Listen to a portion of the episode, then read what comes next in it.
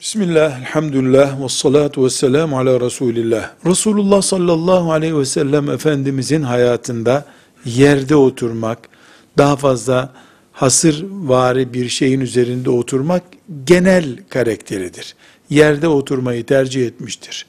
Hasır üzerinde yatmayı hatta tercih etmiştir. Ama Resulullah sallallahu aleyhi ve sellemin bir sandalyenin üzerine oturduğuna dair de bilgi vardır. Ashab-ı kiramdan da pek çoğunun bir sandalye çekip üzerine oturduklarına dair bize rivayetler ulaşmıştır. Dolayısıyla Peygamber sallallahu aleyhi ve sellem Efendimiz sandalyeye hiç oturmadı şeklinde bir söz söylenemez. Sandalyeye oturmak kibirliliktir şeklinde bir iddiada da bulunulamaz. Efendimiz sallallahu aleyhi ve sellem sandalyeye oturdu.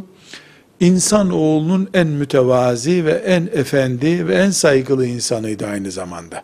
Yani sandalyeye oturmanın haramlık boyutu yoktur. Özel bir kibir, özel bir farklılık yoksa ortada. Velhamdülillahi Rabbil Alemin.